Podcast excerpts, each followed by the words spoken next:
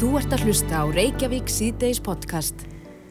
Í dag er svo kallaður dagur einhlebra Mhm. og það er mikið að gera í netverslunum í dag Já, og í raun og veru bara allt þetta ár búið að vera svolítið litað af netverslun.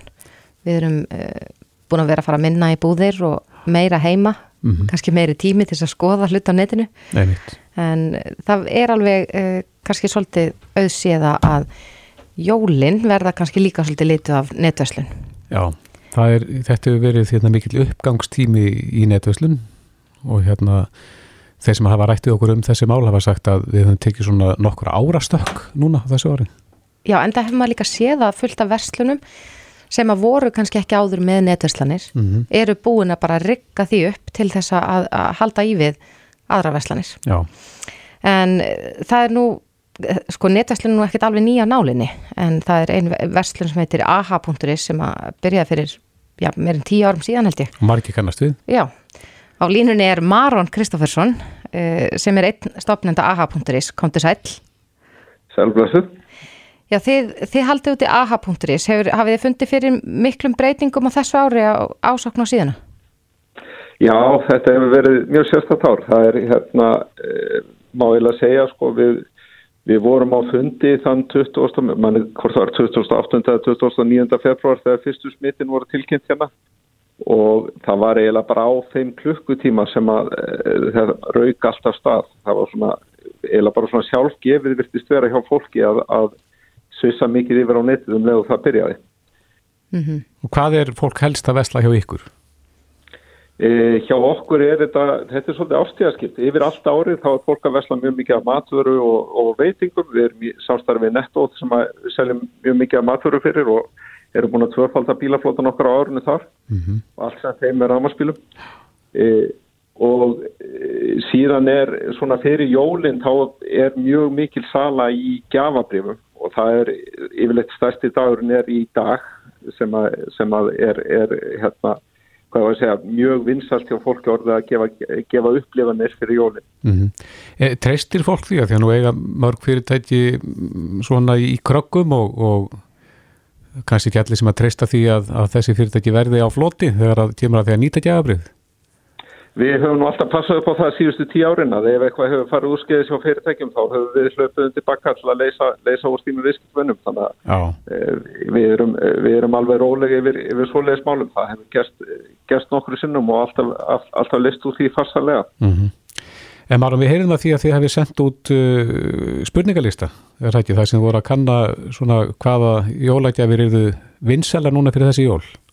Jú, það er sko, þetta er um 150.000 landsmenn sem hafa vesla við okkur hérna núna síðustu tíu árin og hérna e, við ákvaðum að fara að staða með það sem við kallum jólapúlsin núna og e, það er búið að vera mjög skemmtilegt. Það er yfir 2000 mann sem eru búin að taka þátt og það er svolítið skemmtilegt að sjá líka bara að, að þrátt fyrir að þetta ár hafi kannski verið mjög sérstak þar sem að verið mjög fá svona tækifæri til að upplifa hluti þó að sumari hafa náttúrulega verið svona einstaklega ferðarsumar hér á Íslandi að, að þá eru landsmenn almennt mjög spettir fyrir því að, að fá upplifun í, í jólapakkan.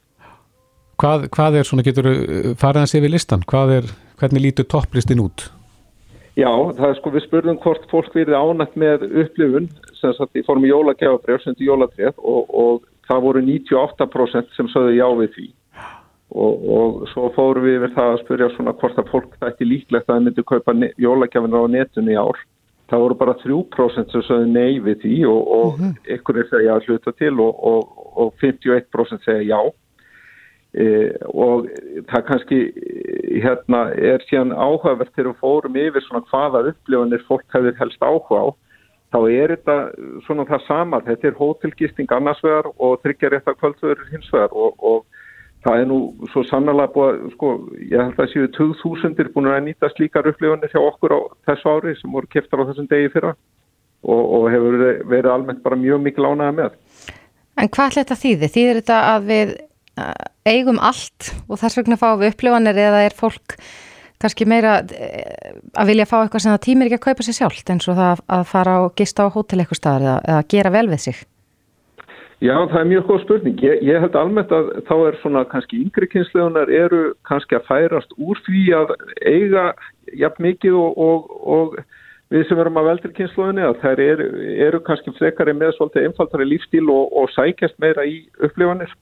E, við, erum svolítið að sjá það og hérna e, síðan er það eldri kynslegun, já, ég held að það getur vel verið svara annars verið að, að fólk eigi margt, en svo held ég líka bara þetta ári er nú bara ára einstaklega fára upplifana fyrir utan þetta goða sumar sem áttum hérna að, að þá held ég að fólk sé bara solgið í að komast í að gera eitthvað skemmtilegt þegar, þegar þessi leðindi gangi yfir sem að COVID er búið að vera.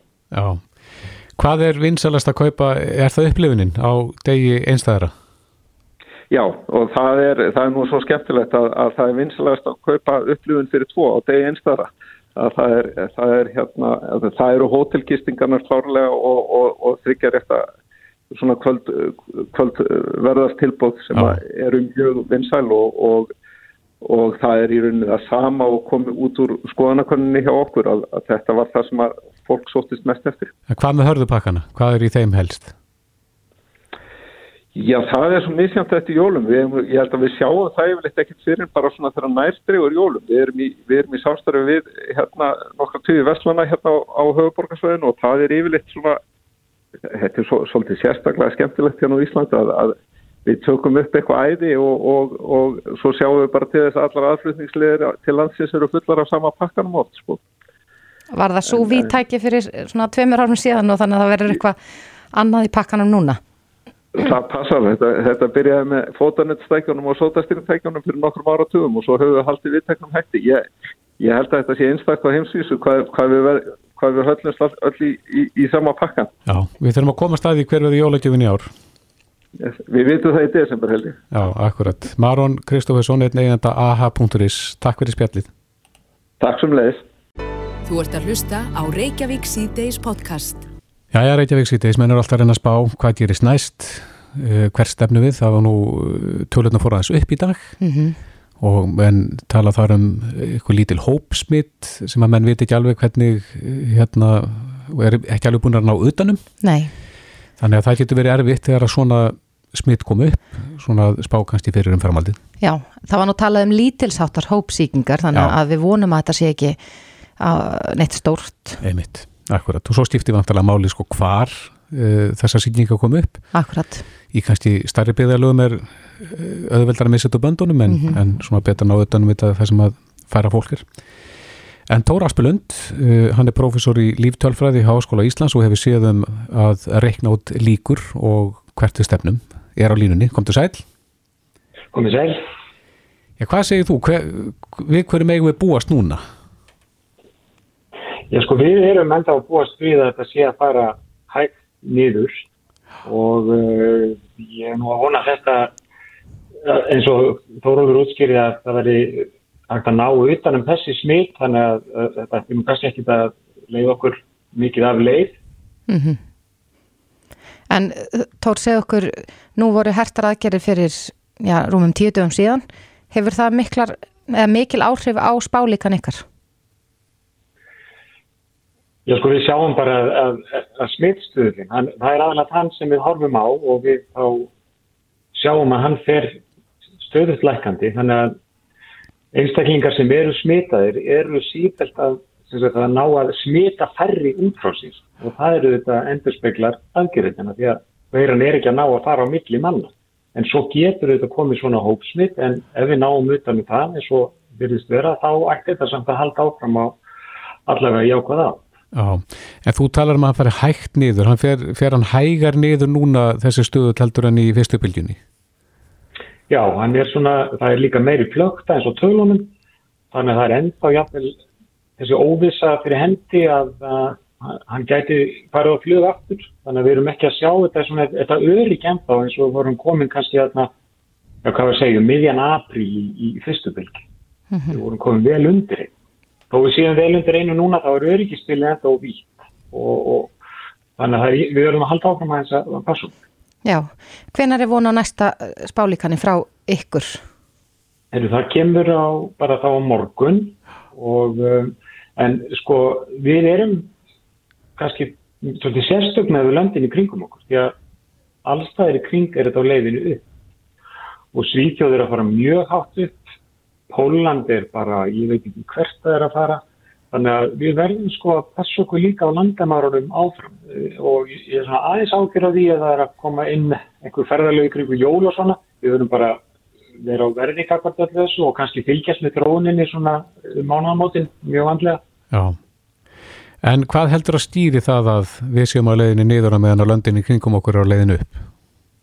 Það sko ég held bara að við hefum greipið inn í nógu snemma. Ég sé reyndar að, að England, þeir, þeir greipið inn fyrir svona nokkur dögum og, og Boris Johnson hefur verið að kynna þessar aðgerðir og segja það algjörlega nýsilegar og þeir eru að fletja þetta út núna og vonandi gengur þeim vel að ná þessu eitthvað niður fyrir byrjundu þess eins og þeir eru að vonast eftir en, en maður veit aldrei. Nei, en Tór Brynjar Níelsson, þingmaður, hann vakti aðtegli með þessari grein sem hann skrifaði og hann heldur því fram að, að þetta gangi bara í svona bylgjum. Þetta fer upp og svo fer þetta bara sjálfkrafa niður aftur og það er ekkert endilega einhverjum aðgerðum að, að þakka. Hvað, hvað segir við því?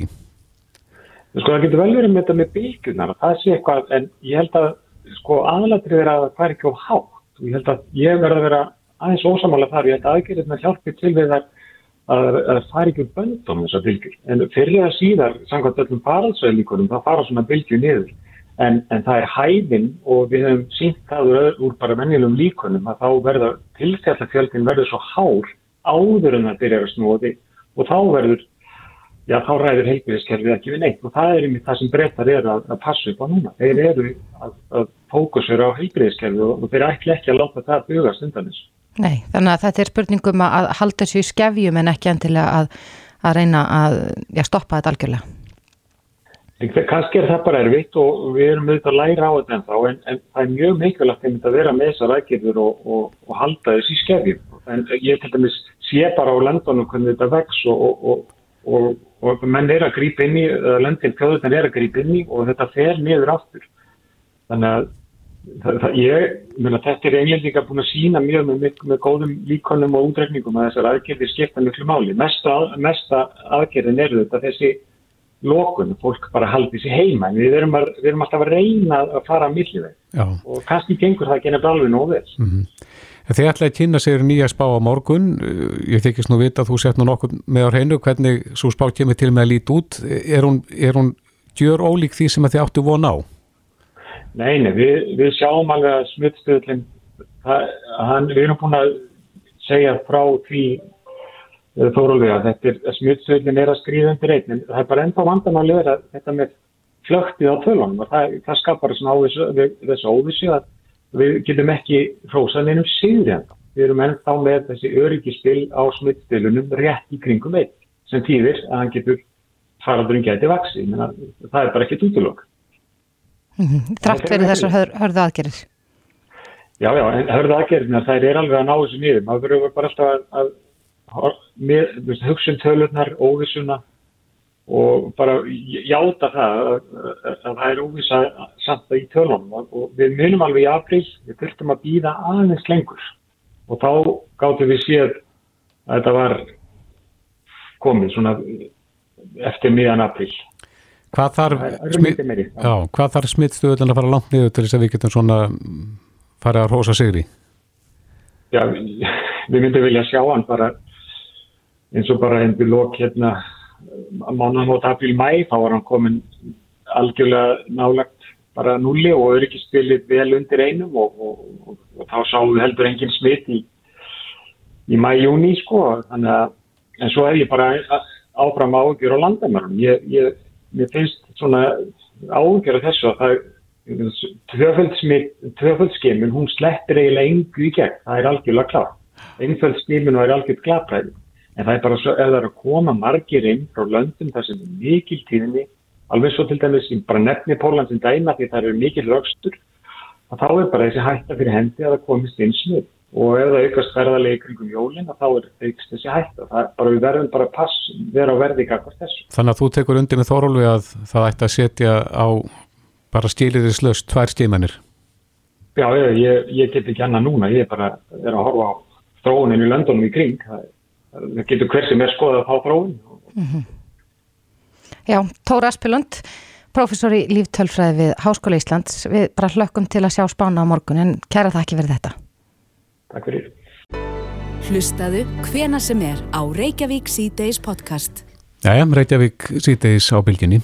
Húsnæðis og mannveitjastofnun, þeir voru að taka saman tölur yfir þá sem að búa í foreldrahúsum og, og miða við að þá er hlutvall þeirra að, að stækka. Já, þetta er hansi stór sko uh, skýrsla sem er gefin út reglulega þeim og, og, og þar kom meðalans fram að það hefur verið já, aldrei fleiri kaupsamningar eða aldrei, bara mun fleiri kaupsamningar og, og meðal annara staðrenda sem þarna kom fram er að, hlutfallslega fleiri virðast búa í fóreldrahúsum en áður en hlutfallið fóru sko 8% í 12%. Er það fólk sem er að flytja eftir heim eða er bara fólk að fara setna úr hreirinu?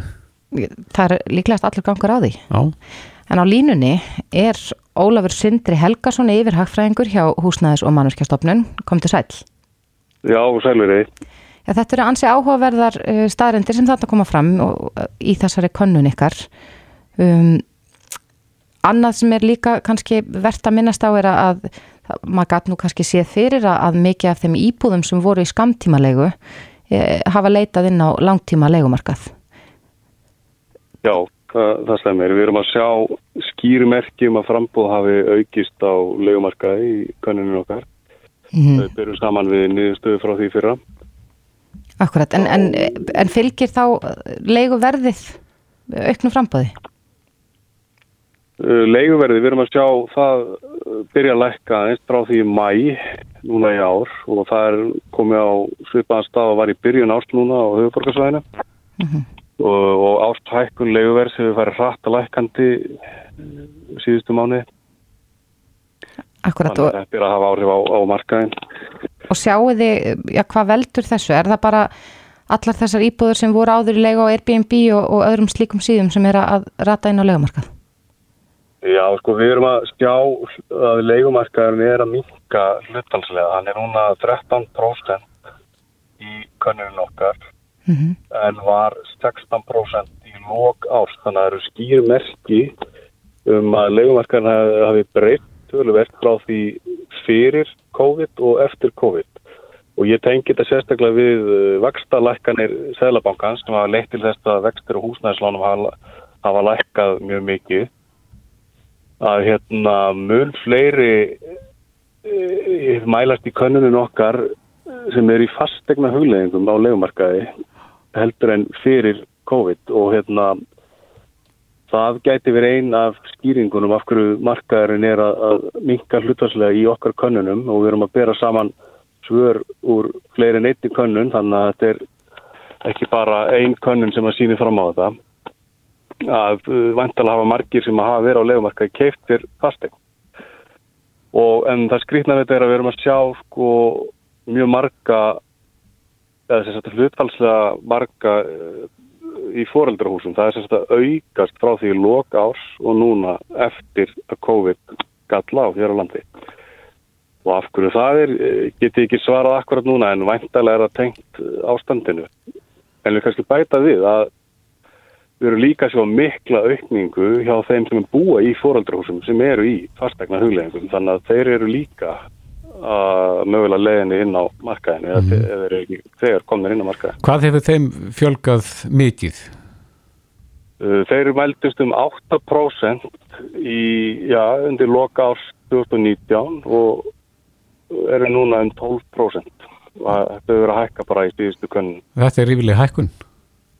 Já, þetta er tölur hækkun og, og þetta er meiri hækkun en maður getur skýrt með einhverjum sveiflum í, í könnuninni. Er eitthvað kenningar um það? Hvað, hvað valdi þessu? Ég myndi tengja þetta við hérna, tengja þetta við bara efnaðast ástandið og svo getur vel verið að einhverju fleiri að vera að flytja heim líka og er bara að leita sér á húsnaði.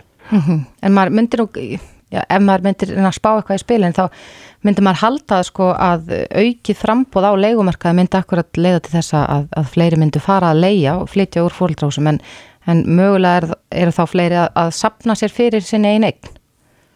Já, vextir eru bara orðin það lágir að greiðsluburi hefur lækkað svo mikið að fólk treystir sér kannski núna til þess að kaupa sér fastegn og svo hefur líka úrræðið um, um skattfrálsar aðstöðun sérregnar inn á þessast í, fyrir útborgun til kaupa á fyrstu egg það spilar væntalega hann inn í líka að hjálpa fólki að komast af leikumarkaði mm og hérna það er alveg heilmikið að gerast á leikumarkaðinu við erum að sjá að mun fleiri telja hagstæðar að leia núna en áður. Og við erum að sjá húsnæðis öryggi aukast.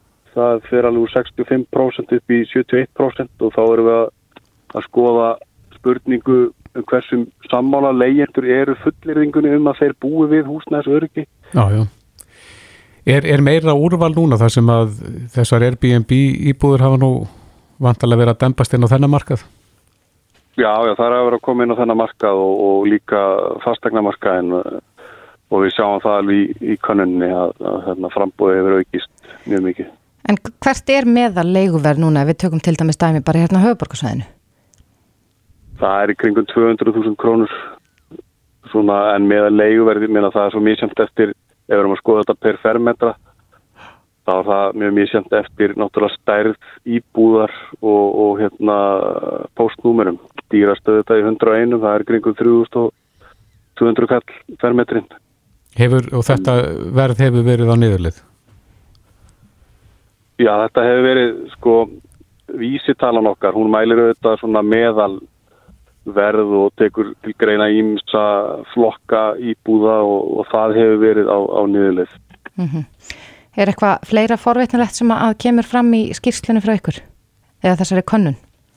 Já, við sjáum að húsnæðis öryggi þeirra sem leiði af einstaklingum, ótengdum einstaklingum, þar að segja ekki skildmennum og, og svo leiðis, það er aukast mest, það fer úr 51% upp í 64%, en þeir sem leiði af engareknum leigufélögum og, og hjá sveitafélagi, það stendur í stað milli ára og svo erum við líka að sjá hérna, en það kannski þó svo að séu batamerki á legumarkaði með þessa tölu sér að netta hérna, þá eru uh, líka neikvæðmerki, við erum að sjá hérna meðal sagt, ráðstöðunatekjur eða hluta ráðstöðunatekna sem fer í leigu aukast milli ára, fer úr 40% og hefur verið, það hefur verið nokkur stöðu hlutfall síðustu ár, fer upp í 44% núna í, í nýjustu könnun og hlutfall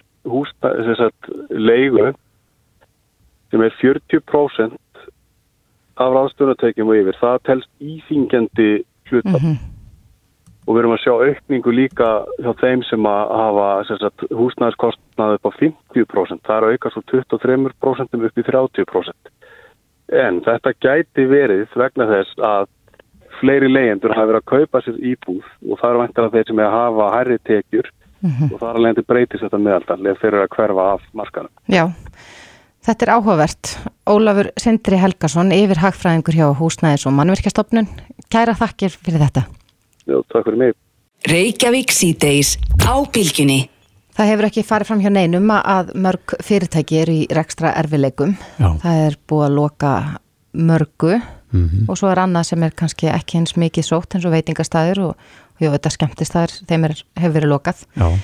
En nú eru eigendur Barjón, Hlöllabáta og Minigarsins mm -hmm. uh, búin að skrifa grein inn á vísi.is þar sem þeir eru með tillög. Er þessi grein byrja yfirskriftina Katrin Jakob Bjarni Ben, hér er tillaga. Já, þetta er opið breyf til ráðherra. Akkurat, á línunni er Sigmar Viljónsson, einn af þessum eigendum og við ætlum að fá að heyra út á hvað þessi tillaga snýst. Kom til sæl. Komið sæl, já, takk fyrir að ringja. Eh, Já, í grunninn, þá, þá í rauninni er þetta bara þannig að, að auðvitað eru öll saman í þessu ástandi sem þetta COVID er og hérna og í staðan fyrir kannski að vera alltaf að tala um það sem að illa er gert, þá kannski frekar sniðut að vera að leggja hausin í bleiti og reyna að finna nýja, nýja lausnir sem eru réttlátar og, og, og svona geta, geta stutt við það sem er í gangi samfélaginu. Mm -hmm. og, og hvað leggir þið til? Sko með við það er tilhjóð sem hafa verið lagða fram þá hafa það bara ekki verið að nýtast uh, litlum og mittistórum fyrirtækjum. Þetta eru aðgerið sem eru mjög sérhæðar, það eru mörgum hindrunum háðar og, hérna, og skilirðum en það hafa þessu úrræðurinn ekki bitið mikið og hjálpa mikið til. Og þau úrræði sem hafa verið í gangi hafa kannski meira verið að hjálpa þeim sem eru svolítið kannski ekkert endilega lífvænleg heldur bara verið að hjálpa þeim að hafa þetta af í gegnum þetta tímanbytta ástand. Eh, það sem við erum að leggja til er það að hefur ofinverða komi að orðinu, gagvart þeim fyrirtæki sem hafa þurft að sæta takmörkunum á sínu rekstri vegna almanna heilla uh, samanverð veitingastæðir maturverðstanir, líkarættastöðar og, og aðrir aðilar sem hafa þurft að takmarka traffík til sín vegna almanna heilla uh -huh. sem er síðan alveg sér lagalegt atriði því að það lagalega er sennileg ekki löglegt sko. Því að hérna, það er ekki að það láta enga aðeins að bera kostnaða af almanna heilla aðgjöfum þjóðarannir uh, en það er önnur sag og lengri. Eh, þó að þetta heiti tímabundið ástand þá bendum við líka á það í greininni að, að tímabundið ástand fyrir ríki og þjóð er, er miklu lengri það er, er lengra þól í heiti þjóð heldur en í litlum og millistóri fyrirtæki þannig að einn mánuður hjá litlu og millistóri fyrirtæki getur verið make or break og það er lifið af hreinlega ekki mm -hmm.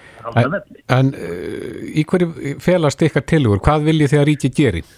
Já, sko, það sem að, hérna, okkar tilögu gangi út á er að ofinber gjöld eins og viðsugarskattur jafnvel staðgröðsla sé eitthvað sem að ríkið býði með að innheimta geimi, láni, mm -hmm. að segja að, að fyrirtækin geti frekar nýtt þá fjármunni sem eiga að fara til ríkisins uh, í reksturinn sinn, í kassflóið uh, uh, og það er ekki verið að tala um að styrkja þetta eða gefa þetta, þetta er bara að lána þetta festa greiðslum og hérna setja við aftur fyrir þetta ástand sem er tímabundið eh, þannig að hérna, fyrirtækin hafi þá frekar fjármunni til þess að halda reksturnum gangandi og halda þannig bæði í starfsfólk og, og sjá svona fram á sóknarleik frekar en þennan varnarleik sem hefur verið að spilast. Akkurat, en í, í hversu langan tíma og, og segjum að hvað verður þá... Bara meðan ástandi varir. En hvað þá með fyrirtæki sem að, að, að lifa þetta ekki af? Hvað verður þá um, um þær greiðslur? Já, ég meina þá eru úrræðin sem er í gangi í bóði. Uh -huh. Það eru úrræði fyrir þeir fyrirtæki sem eru bara ekki lífanleg. En það eru engin úrræði fyrir fyrirtæki sem eru lífanleg. Og, og það er kannski það sem að máli snýst um að, að kostnaður hins ofinbæra ríkisins og okkar sem þjóðar í að fyrirtæki leggist af, fólk var á aðröðsbætur, er gríðarlega mikill kostnaður. Uh -huh. Og til, til þess að koma vekk fyrir að það gerist, að þá getur ríkið gengt innheimtu þessara skatta í einhver tíma, uh, af því að það er ekki verið eins og ég segi, það er ekki verið að tala um þetta sér styrkur. Nei. Ég hef engan áhuga á því að njóta þetta styrkja en hins vegar er, er þetta kannski svolítið meðgjum, svolítið hérna, meðvindur til þess að halda rekstunum í núverandi ástandi gangandi í, á fullum vendlum mm -hmm. og svo verður þetta greitt tilbaka þegar ástandið hérna, hættir. Akkurat, en, en Sigmar, þetta er, þú talar um hérna í greinni að þið, mm. um staðgreisluna og, og mögulega, og sérst, já, eða bæði, virðisaukarskattin. Hvað er þetta stór hluti af hversu miklu máli myndi þetta skipta fyrir þau fyrirtæki sem er að eiga erfitt akkurat núna? Bara gríðalegu máli, af því við verðum líka átt okkur á því, bara þegar svona aðgerði gerð, eins og mm -hmm. þegar sótartanleikning grípið til þess að segja, herru, við veitum að fækka núna 200 nýri 20 manns og þetta er gert með tveggja þryggjartæga fyrirvann að þá erum við kannski búin að koma úr tímabiliða sem hefur verið kannski ágætt að gera yfir í það að kastflóði nánast eh, droppar bara droppar um 60-70% eh, á sama tíma koma greiðslur eftir á eins og viðsökarskattur og alls konar ofnbjörgjöld, þau koma inn í þau tímabil þegar kassflóið er algjörlega stopp. Akkurat. Þetta, þetta, þetta er öfugt, öfugt línuritt og til þess þarfum við að styðja við félagið sem að margir fyrirtækja eigandur hafa gert en, en þegar þetta voru svona langt tímabil að þá endanum gefast með nött. Mm -hmm. Það er mhm. það sem ég óttast að við sjáum gerast í litlum og mittlistórum fyrirtækjum nema eitthvað er aðhafst. Þessar aðgerið sem eru núna eru eins og, hann, eins og bara er komið fram þetta er 400-500 krónur og hvert starfsmann að hámarki 5 starfsmenn mm -hmm. og mittistátt fyrirtæki er 200 eitthvað starfsmenn og niður þannig að þú getur ímyndaði hvort að svona aðgerð skipti einhverju máli fyrir mittistátt fyrirtæki. Það gerir það ekki. E, það auðvitað ættu bankar að stíga hér inni og auðvitað ættu lífeyrissjóðir að stíga nú inni lífeyrissjóðir sem er saman þjóðarinn ættu þetta að vera komni með hérna, fyrirtækja sjóð sem að geti veitt lán til fyrirtækja til þess að hjálpa til í þessu hérna, umhverju. Það er bara ekki að gerast við miður. Og ekki eru bankarnir heldur að stíga stert inn eins og kannski maður hefði vonað. Þannig að þessi tillega okkar er bara tillega til eins ofinbæra sem hægt er að grípa til mjög hratt, mjög öruglega af því að það er ekki að svindla á þessu kerfi því að þú ert ekki að falsa söluskýslur og stykjast selja meira til þess að auka skuldina í fremtíðinni. Það, það er ekki að fara að gerast. Þannig að, þannig að svona aðgerð myndi jafna út stöðu mismunandi fyrirtækja og færa allt eftir hvað væri að gera hjá þeim og væri frekar kvetjandi til þess að þau myndi halda áfram að sækja fram, finna nýjar hugmyndir, búa til ný tækifæri fyrir sig og sín fyrirtæki. Já, en segjum að þetta var opið bref til Bjarn og Katrínar. Er þau búin að lesa, veistu það? Ég veit það ekki. Við náttúrulega erum búin að áður við sendum svona bref, við erum búin að reyna að ná sambandi við kerfið og við hefum alveg átt samtöl við ráðunetin um þetta og, og, og þegar maður heyri já, við erum að skoða þetta og þá getur maður bara svo svo lengi beð og hérna og eins og ég segi, hérna tímabundið ástand er þetta afstætt hugtak það, það getur verið látt tímabundið ástand eða stutt, það fyrir eftir í hvernig eðli viðskiptið þín eru mm -hmm. en í litlum og myndistóra fyrirtækjum sem eru 80% allra fyrirtæki í landinu þá er þetta ástand sem búið að vera gríðarlega langt tímabill og og það hafi raunin ekki komið marktakar aðgerðir í efnahagsmálum síðan að hrun, eh, ekki hrunni síðan að, síðan að hérna, COVID byrjaði í mars. Já, en þú, það er augljóst að þeir eru búin að reyna að hafa samband og reyna að, að komast í, í einhvers konar samtal við ráðuniti þar sem að þetta er jú ákveðið. Kallið eftir mm. því að sé meira samráð uh, já, við þessi fyrirtæki í landinu heldur að ráðuniti sé átt að segja á stöðun eins og hún er? Ég held alveg að menn áttu sig alveg á stöðunni. Þetta er spurningi kannski bara hvar, hvar öflin liggja í þessu og, og lítil og millist og fyrirtæki eiga sér enga málsvara. Ert með samtöku atvinnulífsins. Við vitum það að, að hérna, atkvæða rétturinn í samtökum atvinnulífsins er á hendi handfyllis fyrirtækja því að, því að hvert atkvæðasettin það fer eftir fjölda starfsmanna. Þannig að það eru stóru fyrirtækin sem fara með e, völdin í ESA og bara eins og lífskjara samningurinn sem á að dinja núna á markanum eh, í janúar, þetta er samtíkt af ESA af því að stóru fyrirtæki ráða við það, 80% fyrirtæki sem eru lítil og millistór ráða enga með við það. Og hérna og það er kannski annar galli mm -hmm. á því að hérna, þetta er ekkit sami þetta er ekkit sami leikurinn hjá stórfyrirtækjum og litil og millistóra fyrirtækjum. Og, og maður hefur það svolítið á tilfinningunni að það eigi núna að láta þetta rettast á millistjættinni bæði hérna, millistjættinni og litlum og millistórum fyrirtækjum eins og það gerir alltaf. Akkurat. Það er nú bara málið. Það er litlum millistórum fyrirtækjum sem halda upp efnaðarslífið í þjóðarinnar og, það á að láta þennan þegjandi meira luta enn og aftur bera byrjið í samfélagsins, búin nýkomur út úr þessu bankarunni og þess vegna komum við með þessa réttlótu einföldu tilögu uh, í þessu opna brefi sem er mjög auðvelt að framkama, engin leið að svindla á og myndi hérna hjálpa gríðarlega til í öllum aðunurvextri eh, á landur. Já, við hlökkum til að sjá hvort þið fáið einhver viðbröð frá uh, fórsettsráðara eða fjármálurráðara en Sigmar Viljámsson, kæra þakki fyrir þetta. Sömulegis, takk. Reykjavík síðdeis á Bilginni podcast. Reykjavík síðdeis heldur áfram. Nú hefur starfshópur, starfshópur sem mm -hmm. hefur verið starfandi síðan í september uh, gefið út þrjár tillögur að breyttum aðgerðum við landamæri. Já. Þetta kemur hérna fram á stjórnaráðsins og, og þar segir meðal hann sko, að breytt fyrirkomulag skimunar á landamærum sem liðkar fyrir aðgangi ferðamanna með ásættanlegri áhættu mm -hmm. með tillit til sótvarna er forsenda þess að umtalsverður efnagspati geti hafist á næst ári. Þannig að menn er að reyna að fara svona bílbeggja mm -hmm. að, að hafa hlutin í lægi við landamæra skimanir en að fá hingað ferðamenn. Akkurat. Svona til að glæða efnahægin lífi. Já og sko þessa tillögur sem að starfshópurinn gerði sem var á vegum fjármála efnahagsráðanetisins mm -hmm. um, það komu tillögur frá bæði Æslandir og svo samtökum ferðarþjónustunar. En á línunni er Bjarniður Hallstóttir, hún er formaður samtaka ferðarþjónustunar. Kom til sæl. Komið til sæl. Já, hverjar voru ykkar tillögur í, í þessu ferli? Já, við skilum að okkar tillögum inn í þessa umræðu fyrir um 6-7 vikum síðan og í samfunnu við Æsland er og í rauninni var það okkar fyrsta tillaga var uh, tillaga A eins og hún heitir í fréttinni frá stjórnaröðinu mm -hmm. sem að uh, gerir þá ráð fyrir að fyrri skimun fari fram í heimalandi ferðamannsins og setni skimun sem við landamærin hérna.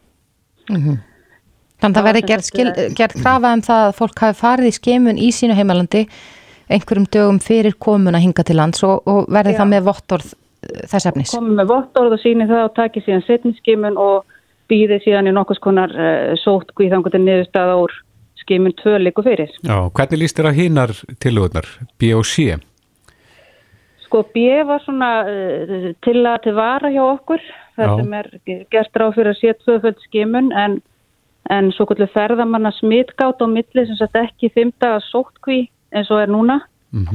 Að ferðamenn geti þá uh, ferðast um en, en svona kannski passa sig Já, ekstra. svona undir eitthvað, eitthvað skonar uh, regluverki sem að þeir þurft að fylgja þá. Já, sem er skömminni, væri skömminni skára það sem er, er núna í gildi Mhm. en við myndum þess að allra helst vilja sjá tillögu A. en svo er það til að C, það er þreföld skimun. Þeir eru þá vantilega Já. mótallin henni. Já, hún svona, ég hrættum að hún verði of íþingjandi fyrir, fyrir ferðamenn og, og þá sem er að ferða, selja ferði til Íslands erlendis. Þetta geti virkað svona já, einum of mikið mál. Akkurat, þetta er þá sem sagt bara svo að, að hlustendur okkar skilja þá er þetta þrjár tilögur og, og það er þessi A sem þið lögðu til, svo B og svo er einu til að C, það eru þessar tvær Já. saman í einum pakka. í rauninni. Og það eru Þreföld bestu og skíma. aftabundu, sem að segja. Já. einmitt. Heldur að þetta myndi fæla frá, fæla ferðamenn frá Íslandi? Ég, ég er hrætt um það að það myndi ekki skila allavega eins góðum árangur eins og, og sérstaklega til að A. Mm En já, þið fenguð að skila ykkar tillögu, heldur að, að það verði haft meira samráð við ykkur áðurna að, já, þessi, að það verði tekin einhver ákvörðin í þessu máli? Já, það er spurning hvaða, hvaða sjónamið munur ráða. Þetta náttúrulega þarf að vega þarna annars vegar sótvarni sjónamið og hins vegar hægræn sjónamið og ég held að átti sig allir á, á því nú orðið að við getum ekki haldið áfram svona í þessu fari mjög mikið lengur. Nei. Þannig að það er mikilvægt að koma þessum hjólum í gang aftur. Mm. En nú er að berast fréttir af bólefni, það eru jákvæði fréttir. Já, Þannig að það myndi þá vantarlega gagnast best ferðarþjónustun ef að Íslendingar myndi nú flesti láta bólusetta sig sem fyrst. já sjálfsögðu. Það er náttúrulega væri drauma stað að við þurftum ekki að huga þessum landamara aðgerum meira.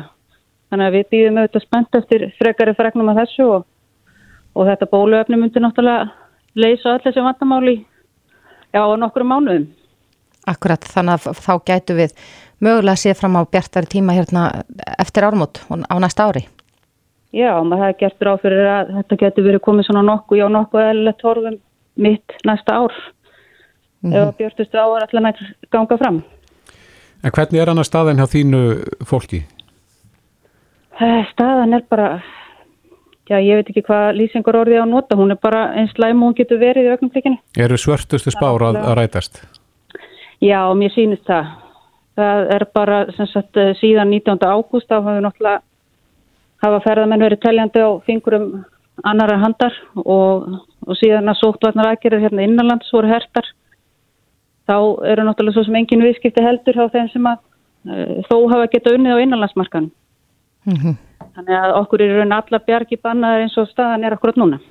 En hvað með allar þessar, eða, þessar þó nokkru aðgerri ríkistjórnarna? Er þetta að koma einhverjum eh, fyrirtækjum sem eru ítastöð til bjargar?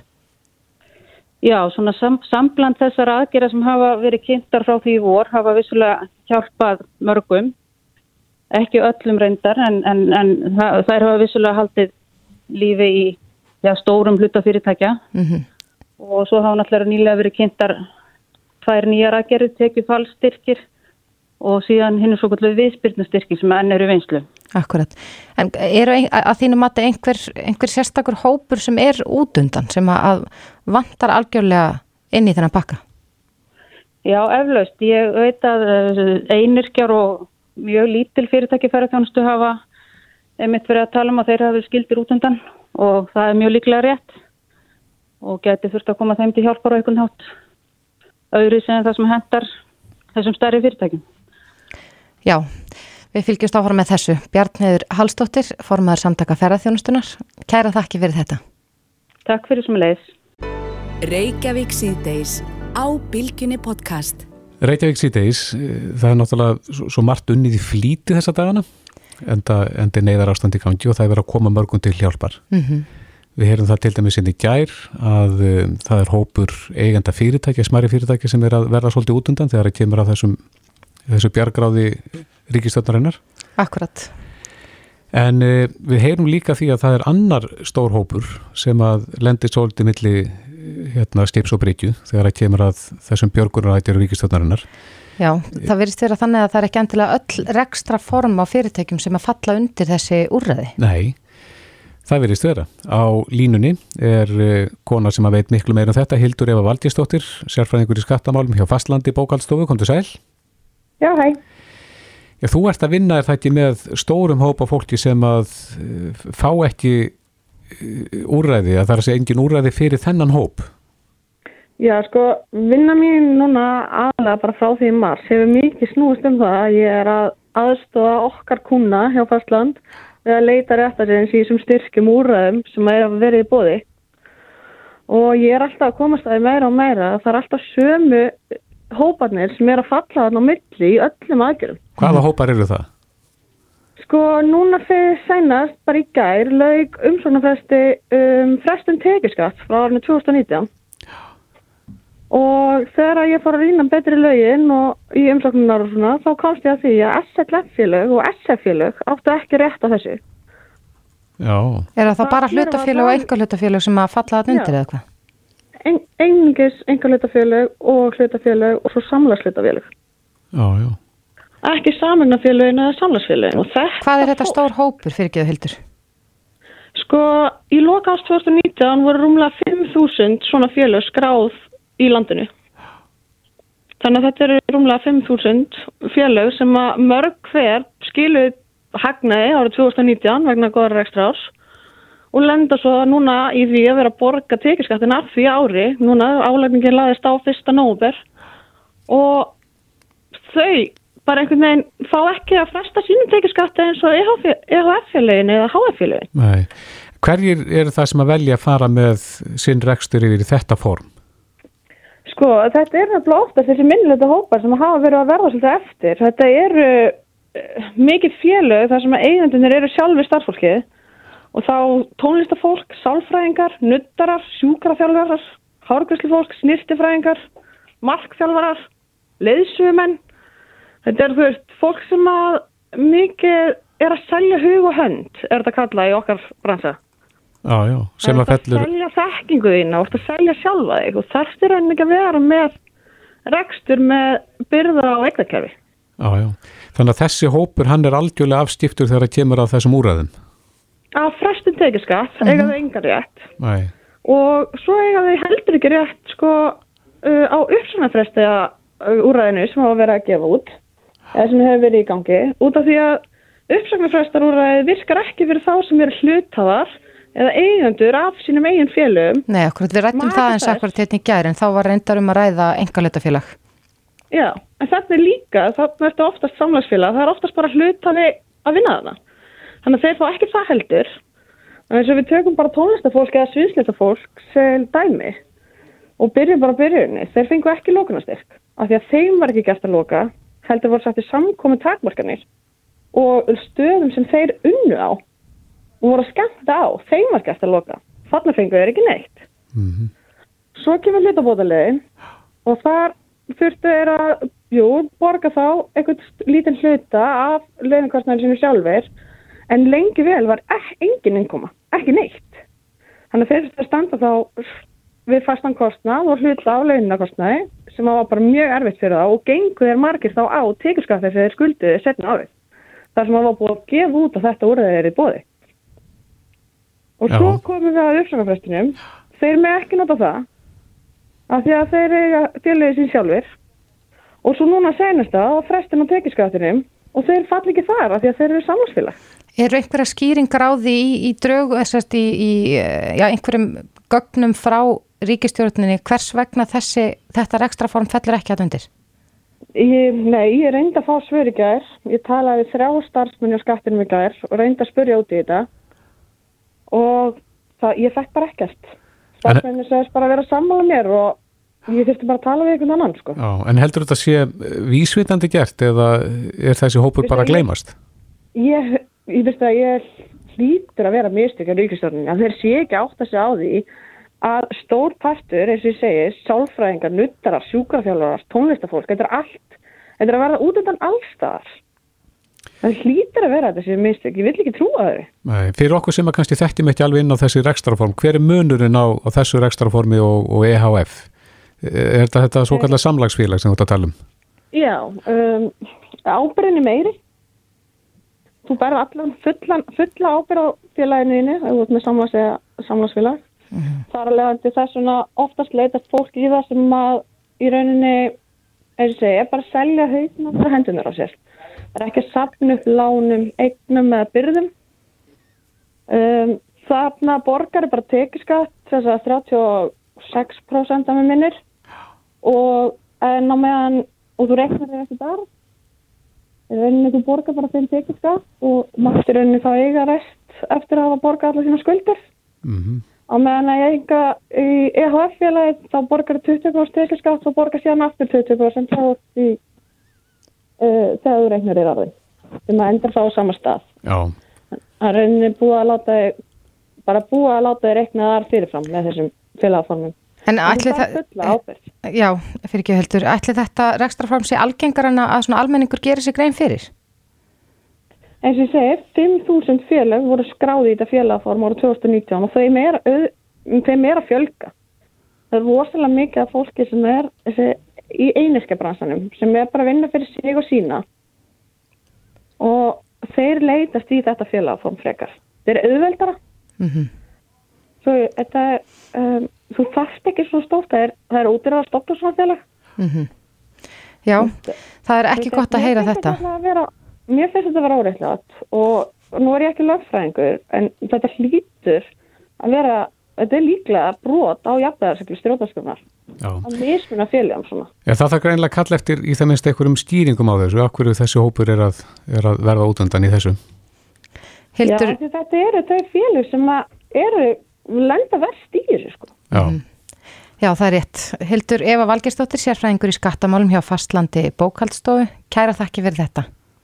Ekki máli, takk sem leis. Þetta er Reykjavík C-Days podcast.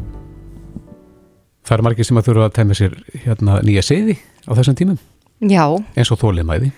Já, þetta er svona einn fylgifiskur, uh, mamma að segja, kórnuveru faraldur sinns að að við þurfum að vera aðeins þólumar. Við erum eiginlega þvinguð í orðlítið hægara tempó Mm og það getur einst erfitt fyrir suma. Þú varst nú vitna því hérna um helgina það sem að einn óþólumóður reynda að tróða sér fremst í bílaröðina í IKEA. Já, akkurat, alltaf stýrt þessi leið.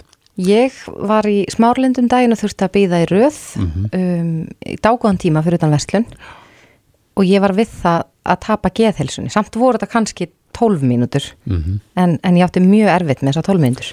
Já, við erum vön að komast bara nokkuð greitt áfram í það sem við þurfum að gera en, en það er önnur öll núna og Ingrid Kúlmann hjá Þektingamiðlun er á línu, komdu sæl. Bless og sæl. Já, hvernig getum við þjálfað upp þólinmæði? Er það hægt? Já, já, það er alveg hægt. Við þurfum auðvitað átt okkur á því að við, erum, við búum í instant samfélagi. Við drekkum instant kassi og, og við erum með skyndi kynni og klukkutíma framkvæmlun og, og ef við svörum ekki tölubósti strax þá hringdi okkur.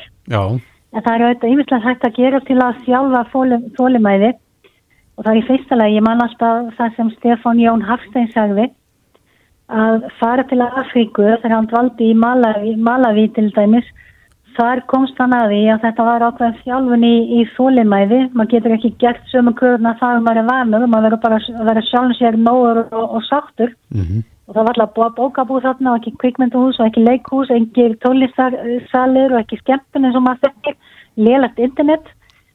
Og um, ég finn stundum, nú er ég sjálf fætt og uppalinn í Hollandi og það er fær bara ekki alltaf strax. Ég segi stundum við, við fólk er mjög gott að flytja til útlanda, það er ákveðin æfingi í þólimæði vegna það að ef maður pantar til að mis flýsar eins og hér heima eða maður er búin að sjá kannski í sofasett sem maður langar í þá segir maður get ég, get ég fengið þetta sendt klukkan 5 en í Hollandi tekur þetta kannski bara 6 mánuði það er bara sagt að þetta verður komið til landsins 1. júni já, þannig að vörðnar ekki alltaf til að tekur tíma að stofna bankareikning og það getur tekið nokkra vikur að fá síma þess að við erum kannski, við erum góðu vun hér, við fáum einhvern veginn allt strax.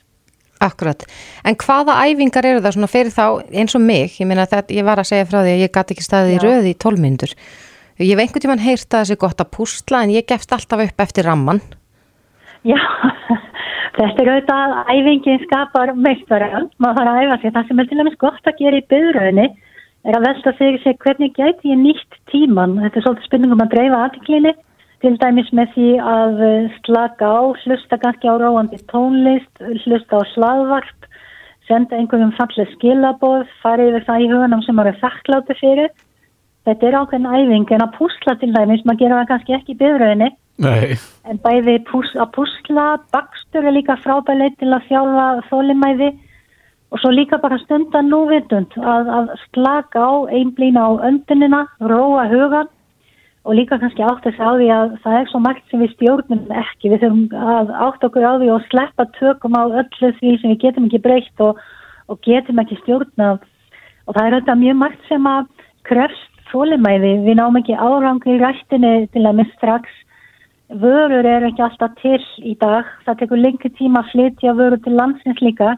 Og svo er bara þessi sóttvarnar að þreita sem er auðvitað líka ákveðin óþólimæði en bara að reyta arfa til þess að lesa er góð hugaleikfinni og, og æfingi í þólimæði að gera crossgátur, sudoku eða bara fara í tíma út með gungutúr til að hreinsa hugan við getum gert mjög margt til að, til að æfa okkur í þessu, þetta snýst svolítið um seglu Mm -hmm. En við búum í instant heimi eins og þú segir, það, er, það gerist allt á núinu. Mm -hmm. Akkurat og það er, það er mjög skemmtilegt, skemmtilegt tilröðum sem var gerð 1972 sem að snýrist alltaf um það að hemja kvartir sína. Þannig voru fjara ára börn sem að voru beina að setja því borð og þeim síndur glæðningur, þar að segja sigupúði og það var Walter Mischel sem var salfræðingur sem stóð fyrir þessari tilröðum og svo var sagt við þau, sem sagt rannsakandin sagði, ég þarf aðeins að bregða með frá. Og hann var í burti í alveg 15 mínútur. Mm -hmm. og sagði við börnin, ef að þið boruð ekki sigupúðan og þá fáið þið annan, þá fáið þið tvo. Og svo var þetta að fali mynda vel og fylgst með því hvernig þeim gengi að halda aftur af sér. Mm -hmm. og þetta er þetta líka bara ákveðin æfing. Til dæmis þegar við setjum okkur markmið að þá ná ekki árangri strax. Þannig að það að setja sem markmið, langtíma markmið og náði bara til dæmis að, að fara í nám og, og, og ná sér í gráðu, þetta tekur tíma og, og fagnast þólimæði þannig að þetta er líka góð æfing í, í, í því að já, sína seglu gefast ekki upp og bara sína úthald Já, þetta eru fín ráð og við skulum vona að fólk getur tað með sér þetta, sérstaklega þeir sem þurfa á því að halda. Ingrid Kúlmann, ráðgjafi hjá Þekningamilun, kæra þakki fyrir þetta. Takk sem við leiðis. Bless, bless. Bless.